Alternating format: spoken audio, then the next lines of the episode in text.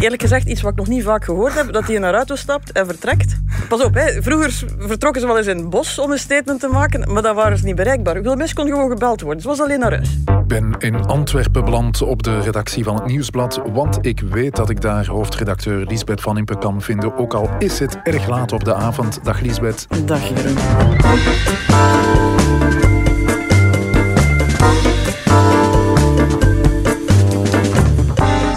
Babbelen over de actualiteit met een goed glas wijn. Ik ben Jeroen Roppe. Dit is het punt van Van Impe.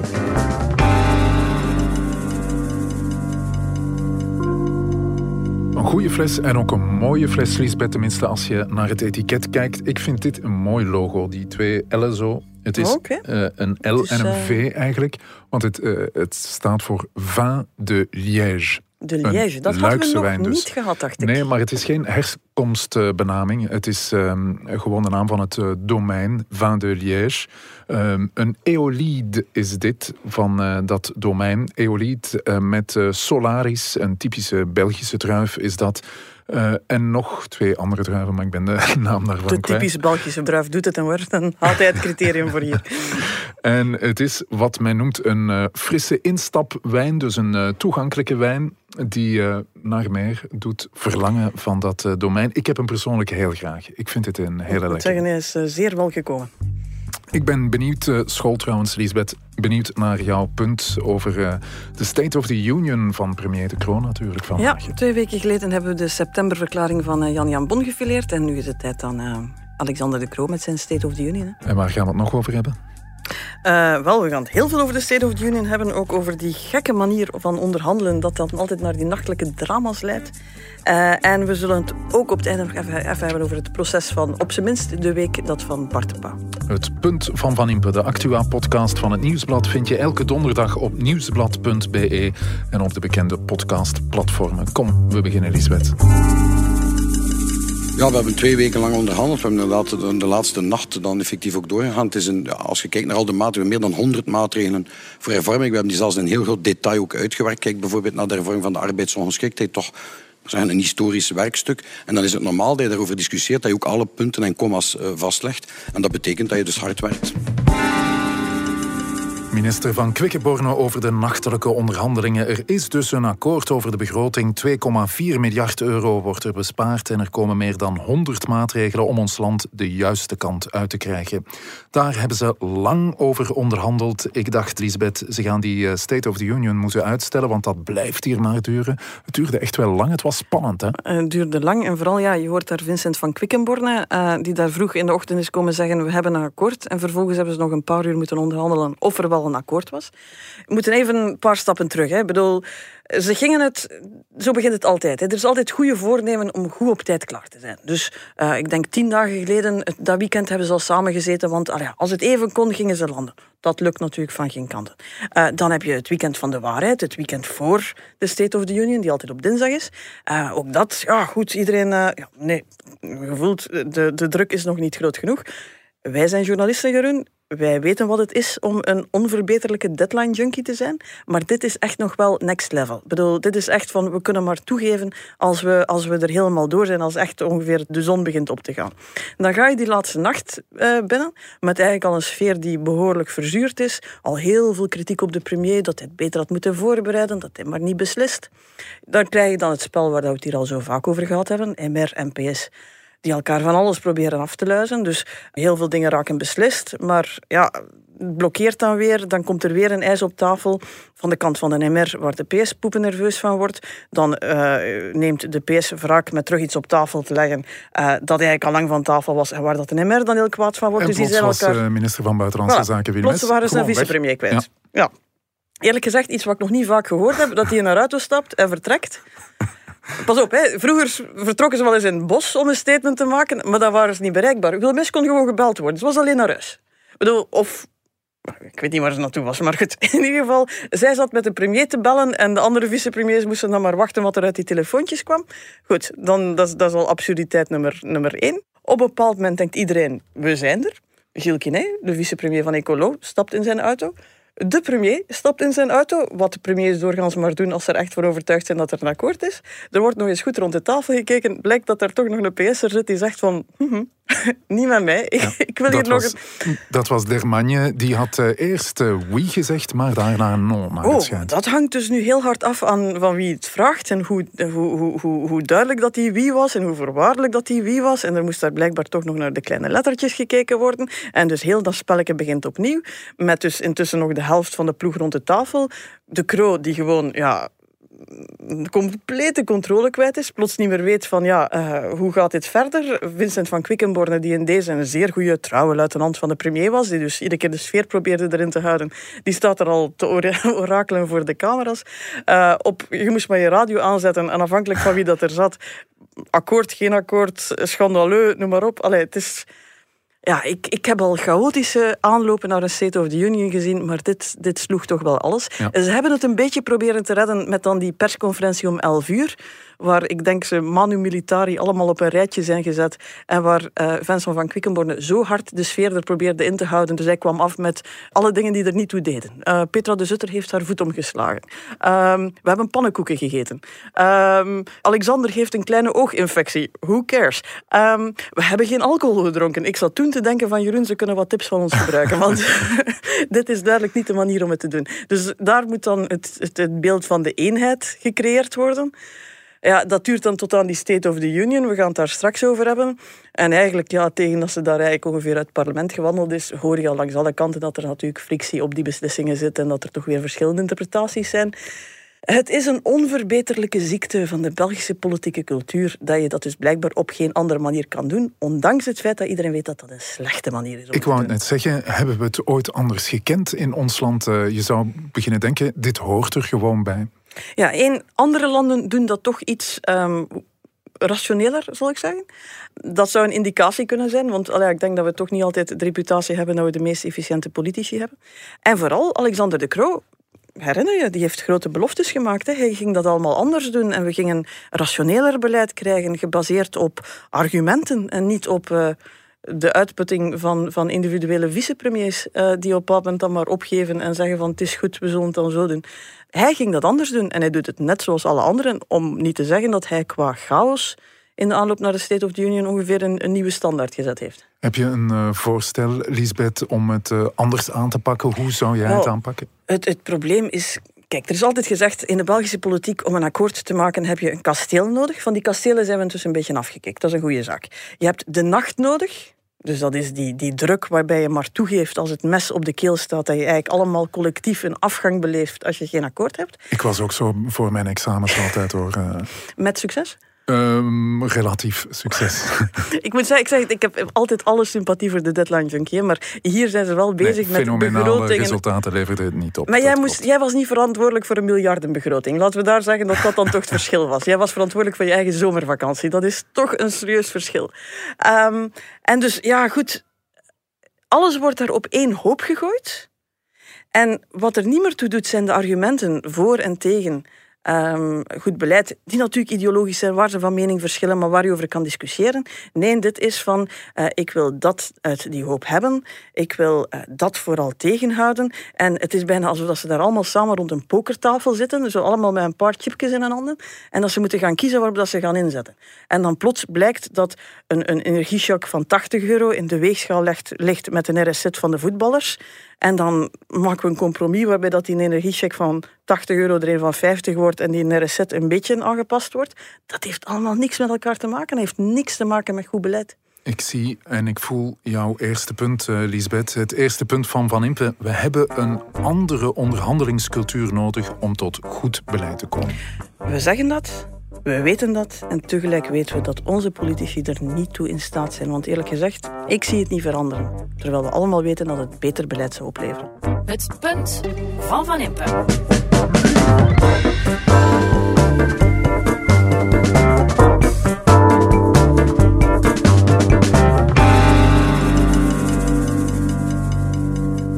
Laten we de speech er eens bijnemen. Lisbeth, je hebt hem hier liggen. Eh, ik zie de titel Nieuwe groei, hervormen en investeren. We moeten niet alleen herstellen. Onze economie moet ook vernieuwen, digitaler en duurzamer worden. En meer mensen Alle mensen moeten die vooruitgang kunnen voelen. Het is nu het moment voor nieuwe investeringen, voor hervormingen en vooral voor ambitie. Dat moet onze spirit zijn. Je hoort meteen, dit is een, een belangrijk moment hè, voor uh, premier De Croo. Het is een, uh, een State of the Union, noemen we het. Het is echt zijn moment de gloire eigenlijk van het jaar. Het is het moment dat een premier naar het parlement gaat om te zeggen van kijk, dit zijn uh, de plannen van de regering voor het komende jaar en zo gaan we het betalen. Dus hij heeft normaal gezien ook zijn begroting mee. Dus dat is een belangrijk moment. en dan moet hij natuurlijk ja, heel veel dingen zien te verzoenen. Je ziet dat al in die titel. Hè. Nieuwe groei, hervormen en investeren. Nieuwe groei, dat is duidelijk zo voor de groenen. Dat is duurzame groei, dat is groene groei. Um, hervormen, daar pakken de liberalen graag mee uit. Investeren, daar hebben de socialisten echt een punt van gemaakt. En ik vermoed dat de ampersand dan voor CD&V is. Maar goed, de uitdaging voor Alexander de Croo was wel, was wel serieus. We weten dat hij daar met zijn bonte coalitie zit, waar ongeveer ja, alle mogelijke politieke opinies zijn daarin verenigd.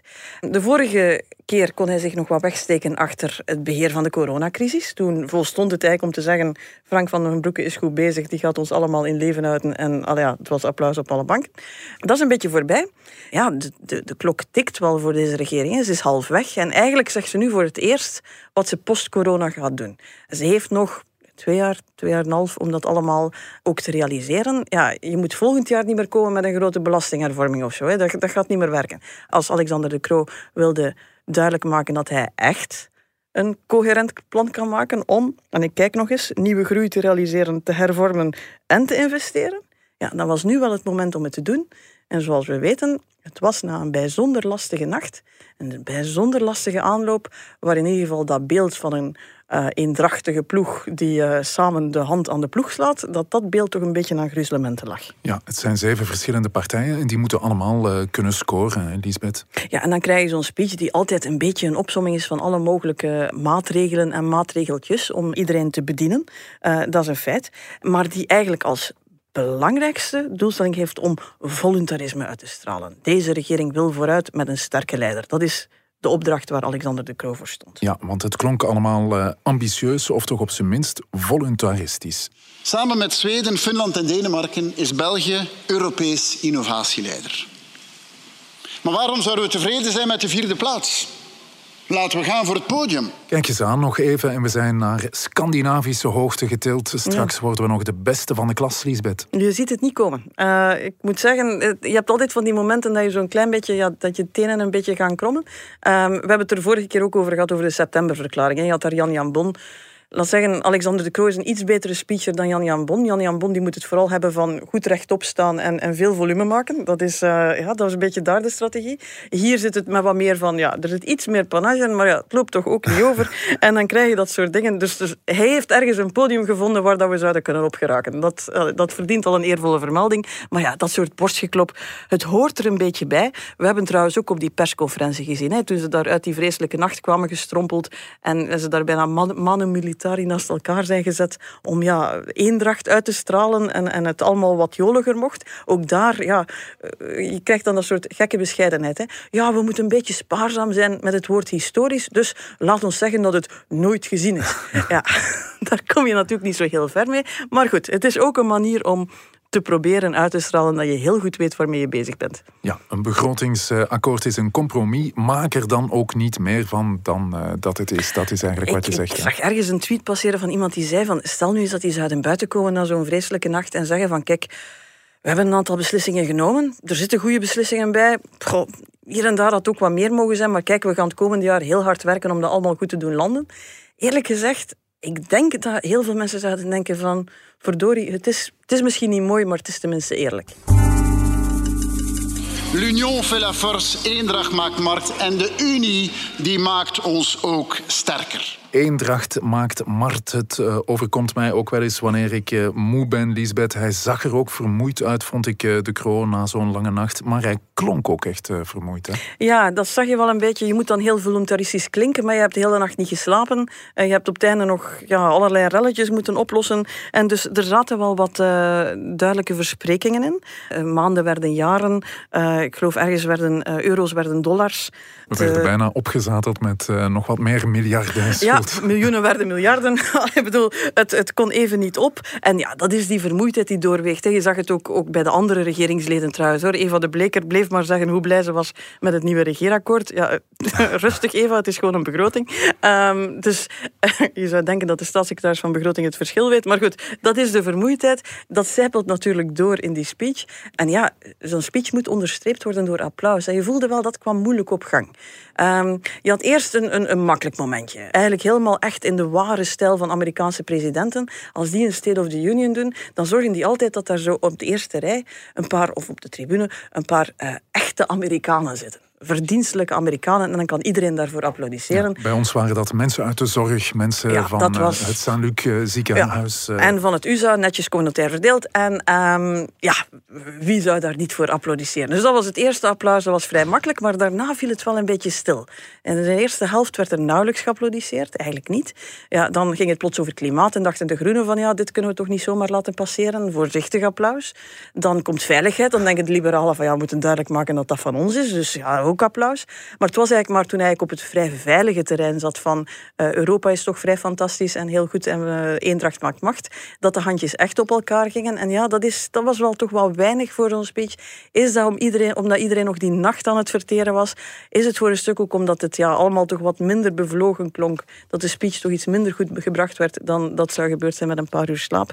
Ja, God zal het weten, maar het was zuinig in zijn applaus. Ja, ik draai de bladzijde hier eens om en ik zie, uh, Lisbeth, we zitten aan de kleine lettertjes. Ja, um, in zo'n speech worden heel veel maatregelen opgesomd. Wat het enorme voordeel heeft dat je, dat, um, dat je daar niet te veel details moet bijgeven.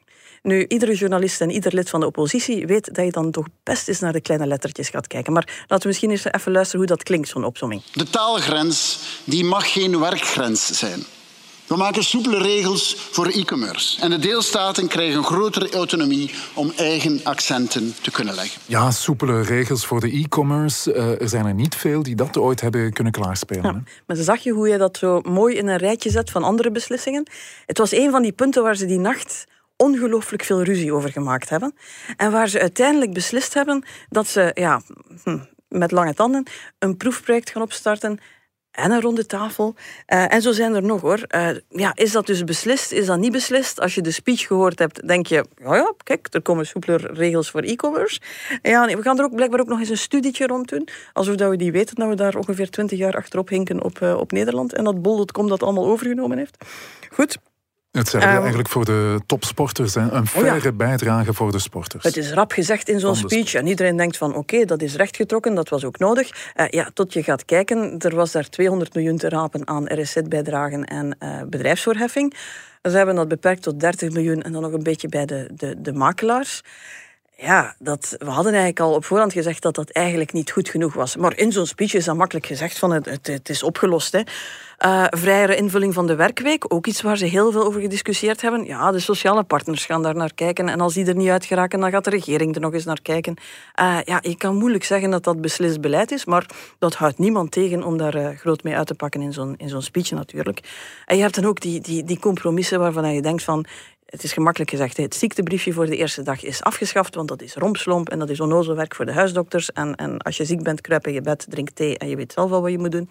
Uh, ja, dat is dan afgeschaft, maar niet in de KMO's. En dan zijn daar toch alweer werkgevers kwaad over. En ja, het, dat soort dingen, ja, de kleine lettertjes zijn in deze toch wel echt... Uh, verraderlijk. Lisbeth, als jij met je journalisten naar die uh, tekst zit te kijken, dan uh, lees je natuurlijk ook uh, vooral, of ga je op zoek vooral naar de dingen die er niet in staan. Ja. Zo heb je er ook wel een paar gevonden. De dingen waar we dus geen quote van kunnen laten horen. Um, een paar voorbeelden. Hè. geen woord over die fiscale aftrek van die tweede woning. Complete anomalie. De fiscale, het fiscaal voordeel voor een eerste woning, toch zou ik denken de focus van het beleid, die is Vlaams geworden en afgeschaft. Die voor de tweede, derde, vierde, vijfde, zesde, zevende woning, die zit federaal, die bestaat nog altijd. We zitten met een woningmarkt waar iedereen die zijn eerste huis probeert te kopen, helemaal uit de markt gedrumd wordt door degenen die aan het, aan het beleggen zijn in, in, in woningen. En dus ja, daar wordt niks aan gedaan. Blijkbaar lag dat daar op die grote stapel. En ja, heeft, heeft iemand de moeite gedaan om, om dat af te blokken? Heeft iemand, uh, niemand dat belangrijk genoeg gevonden om dat van die stapel te halen? Het slaat echt nergens op. Iets anders wat we niet gehoord hebben, pensioenhervorming Herinner je? Grote rel van een paar weken geleden is in de frigo gestopt, maar iedereen zegt dat die er dit najaar nog zou terug kunnen uitkomen. Ja, dan zou je toch verwachten dat je halfweg oktober daar iets over te zeggen hebt in je speech niet het geval. Niet het geval, inderdaad niet. En uh, de ballonnetjes van de PS, Ja, die we ook. ook, eh, de jongste weken veelvuldig hoorden, die eh, kwamen niet aan bod. Nee, geen spoor van te vinden. Gratis openbaar vervoer voor iedereen, altijd en overal. Niks meer van te vinden. Eh, dat je zou kunnen ontslag nemen en dan toch recht zou hebben op een eh, werkloosheidsvergoeding. Niks meer van te horen. We gingen de BTW eh, op energie en we gingen allerlei checks uitdelen. Dat is allemaal heel bescheiden eh, en het meeste is, eh, is ook niet meer terug te vinden. Dus dan zie je dat die aanloop naar eh, die begroting, ja, dat, daar was dat armworstelen al bezig natuurlijk en het opbod. Ja, het is dan toch een beetje gek dat je dan met een speech zat waar er allemaal helemaal geen spoor meer van terug te vinden is. Ik ben er bijna door, Lisbeth, door de speech. De conclusie nog, laten we daar eens naar luisteren. Diversiteit, dames en heren, is een vruchtbare grond voor nieuwe ideeën en voor creativiteit. Nieuwe ideeën die we nodig hebben om de wereld na corona sterker, beter en eerlijker te maken. Om stabiliteit en zekerheid te brengen. Om ons los te wrikken van wat lang onwrikbaar leek. Ja, je hoort de premier hier eigenlijk zeggen. We hebben nu eenmaal een eh, diverse, bonte coalitie, maar die is wel in staat om creatief voor de dag te komen. Ja, los te wrikken wat lang onwrikbaar leek. Dan dacht ik toch, ja, het is een poging, maar dan toch met hele kleine houweeltjes. Ehm, de uitdaging was van, kan deze regering echt serieuze hervormingen op de rails zetten? En dan weet je, dan zal er moeten geraakt worden aan heilige huisjes. En heilige huisjes, politici zeggen heel graag dat ze, die, ja, dat ze die in vraag stellen, dat ze daarmee aan de slag gaan, dat ze daar zich niet laten door tegenhouden. Je zag, eh, als je naar de krantenstukken keek, eh, doken die heilige huisjes verdacht vaak op. Maar dan toch ehm, met wat amendementen. Eh, ik geloof bij ons werd er aan de deur geklopt van de heilige huisjes. Nog vrij beleefd. Een hele mooie die ik ergens las was... ja, de heilige huisjes worden gesloopt, maar met hele kleine hamertjes. Ehm, ze zijn kiezelsteentjes tegen de ruiten van de heilige huisjes aan het, aan het gooien. Ja, die heilige huisjes, fair enough. Ze proberen een aantal dingen te doen. Een aantal dingen zijn bespreekbaar geworden.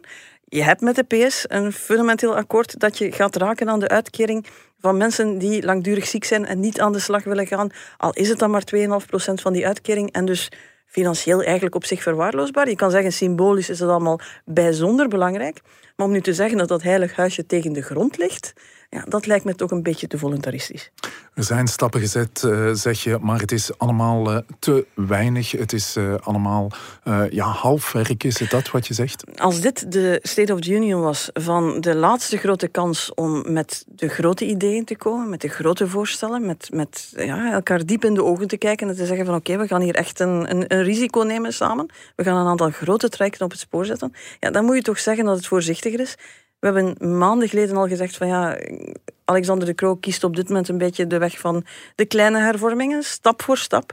Ze zijn er wel. Hij zet ze vooruit. Ook nu weer kan je zeggen, oké, er is een State of the Union en er zit veel in. En er zitten wel een aantal dingen in die we misschien niet meer verwacht hadden. Ook omdat onze verwachtingen zo verschrikkelijk laag geworden waren al het gekibbel. Maar ja, is het genoeg? Gaat dit één, het land in een nieuwe plooi leggen post-corona met de uitdagingen zoals we die kennen? Gaat dit het vertrouwen van mensen in de politiek terug herstellen? Het gevoel geven dat politiek echt wel de grote problemen van deze tijd kan oplossen? Ja, ik denk dat die vraag stellen ze eigenlijk ook een beetje beantwoorden is. Ik denk niet dat iemand naar Alexander de Croo geluisterd heeft en gedacht van... Het is goed, het land is helemaal in veilige handen. Hier nemen politici grote risico's, maar ze doen het om het land op het goede spoor te zetten. Dat gevoel hield ik er in ieder geval niet aan over. Jouw punt, eh, Lisbeth, deze begroting is genoeg om voor te doen met deze ploeg, maar niet genoeg om de toekomst voor te bereiden en het vertrouwen in de politiek te herstellen. En helaas is dat de conclusie die we de voorbije jaren ongeveer naar iedere State of the Union hebben kunnen trekken. Het punt van Van Impe.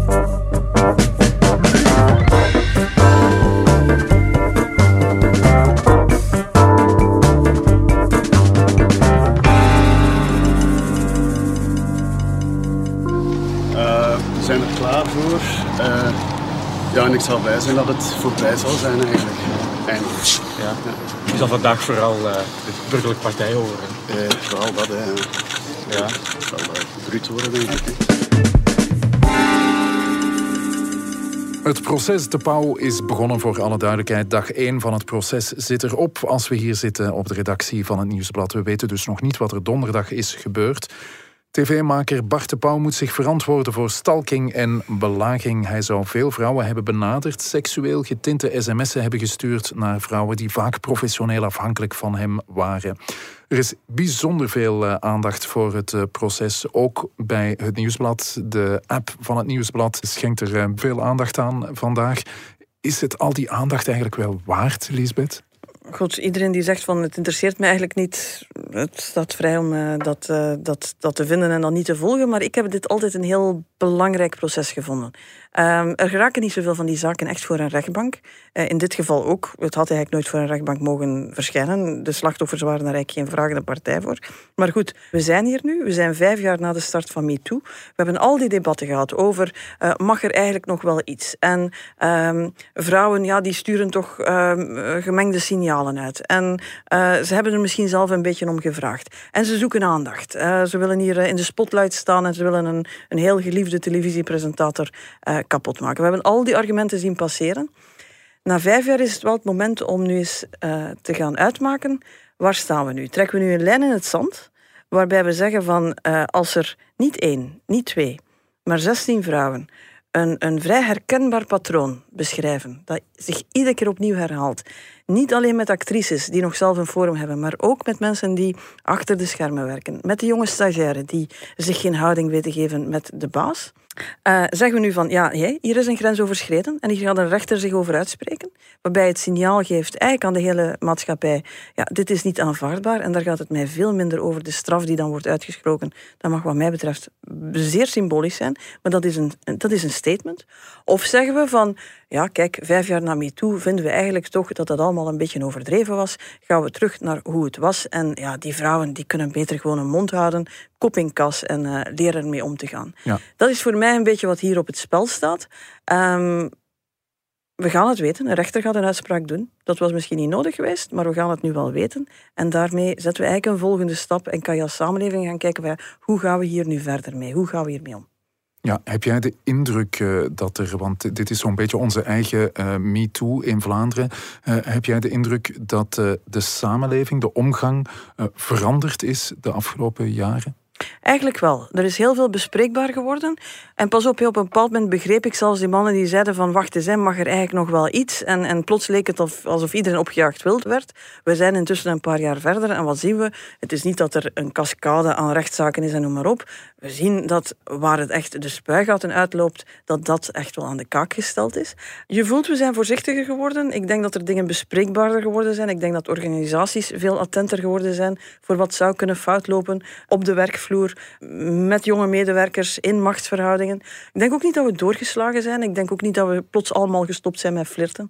Uh, ik denk niet dat we gestopt zijn met elkaar uh, tof te vinden en uh, mannen en vrouwen te laten zijn en mannen en vrouwen zichzelf te laten zijn. Ik denk dat we daar een juist evenwicht zouden kunnen vinden. Maar we moeten hier nu wel voorbij. Hier moet, hier moet een punt gezet worden. En um, ja, het zal een beetje zeggen, ja, als, je, als je een jonge dochter hebt die het in de showbiz wilt gaan, wil gaan maken, is het dan normaal dat ze van een, een, een baas die 20, 25 jaar ouder is, 700 sms'en krijgt? Is dat normaal of is dat niet normaal? Dat is eigenlijk de, de, de vraag die gesteld moet worden. Ik ben heel benieuwd. Het was de procureur heeft gezegd van ja, ik vraag toch een serieuze straf, want ik zie geen schuldinzicht bij Bart de. Ik ben voor morgen heel benieuwd of hij dan toch misschien iets van schuldinzicht gaat, gaat tonen. Want eerlijk gezegd, ik denk dat deze slachtoffers in de eerste plaats vragen om erkenning. Gewoon de erkenning, bij voorkeur van Bart de Pauw, dat wat gebeurd is niet oké okay was. Maar als Bart de Pauw het niet doet, zal een rechter het moeten doen. Jouw punt is eigenlijk, hebben we iets geleerd uit deze zaak of niet? Ja, dat is een beetje, waar staan we na vijf jaar? Zijn we geëvolueerd? Zijn we collectief klaar om te zeggen, we trekken toch een streep in het zand? En als vrouwen uh, zich in dat soort hiërarchische relaties zeer ongemakkelijk beginnen voelen, kunnen ze dan de moed verzamelen en zeggen van ik, ik kom naar buiten, ik klaag het aan, ik zeg dat het niet oké okay was, en weten ze dan dat ze zullen gesteund worden alles over de zaak De Pauw, over het hele proces, kan je natuurlijk eh, in geuren en kleuren volgen in onze podcast eh, Stemmen van Assise. Een speciale aflevering trouwens over de zaak eh, De ja, Pauw. We moeten hier dringend plaatsmaken trouwens, want zij komen nog na ons. Jij zegt altijd het is heel laat op de avond. Het is heel laat op de avond, maar zij, zij zitten heel heel laat op de avond. En voor één keer heb ik gezegd dat ze ons concept mogen pikken. Ze mochten een fles wijn meebrengen. Voilà, ik wou juist zeggen, we blijven gewoon zitten en we drinken een glas, een glas mee, een glas Luikse wijn Les Eolides hebben wij gedronken. Een vin de Liège. Een uh, streek waar ze echt wel traditie hebben in, uh, in de wijnbouw. Eeuwenlang hebben ze daar uh, wijn um, gemaakt in Luik. Het was klein Bourgogne eigenlijk in ons land. Maar die traditie was een beetje verloren gegaan. De jongste jaren opnieuw veel wijn uit ook die regio. Ja, voilà. eens meer, ik had geen klachten. Nee, ik ook niet. Absoluut niet. Lekkere, lekkere vin de Liège. Volgende week breng ik er nog één mee in het volgende punt van Van Impe.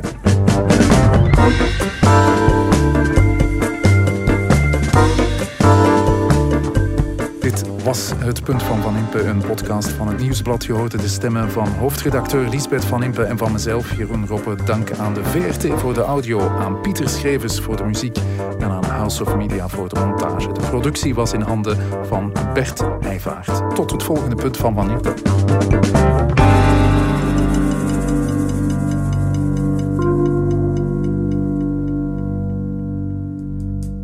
Heb je de andere podcasts van het Nieuwsblad al gehoord? Stemmen van Assise, Slimmer Leven, de Sportpodcasts, Shotcast en De Koers is van ons.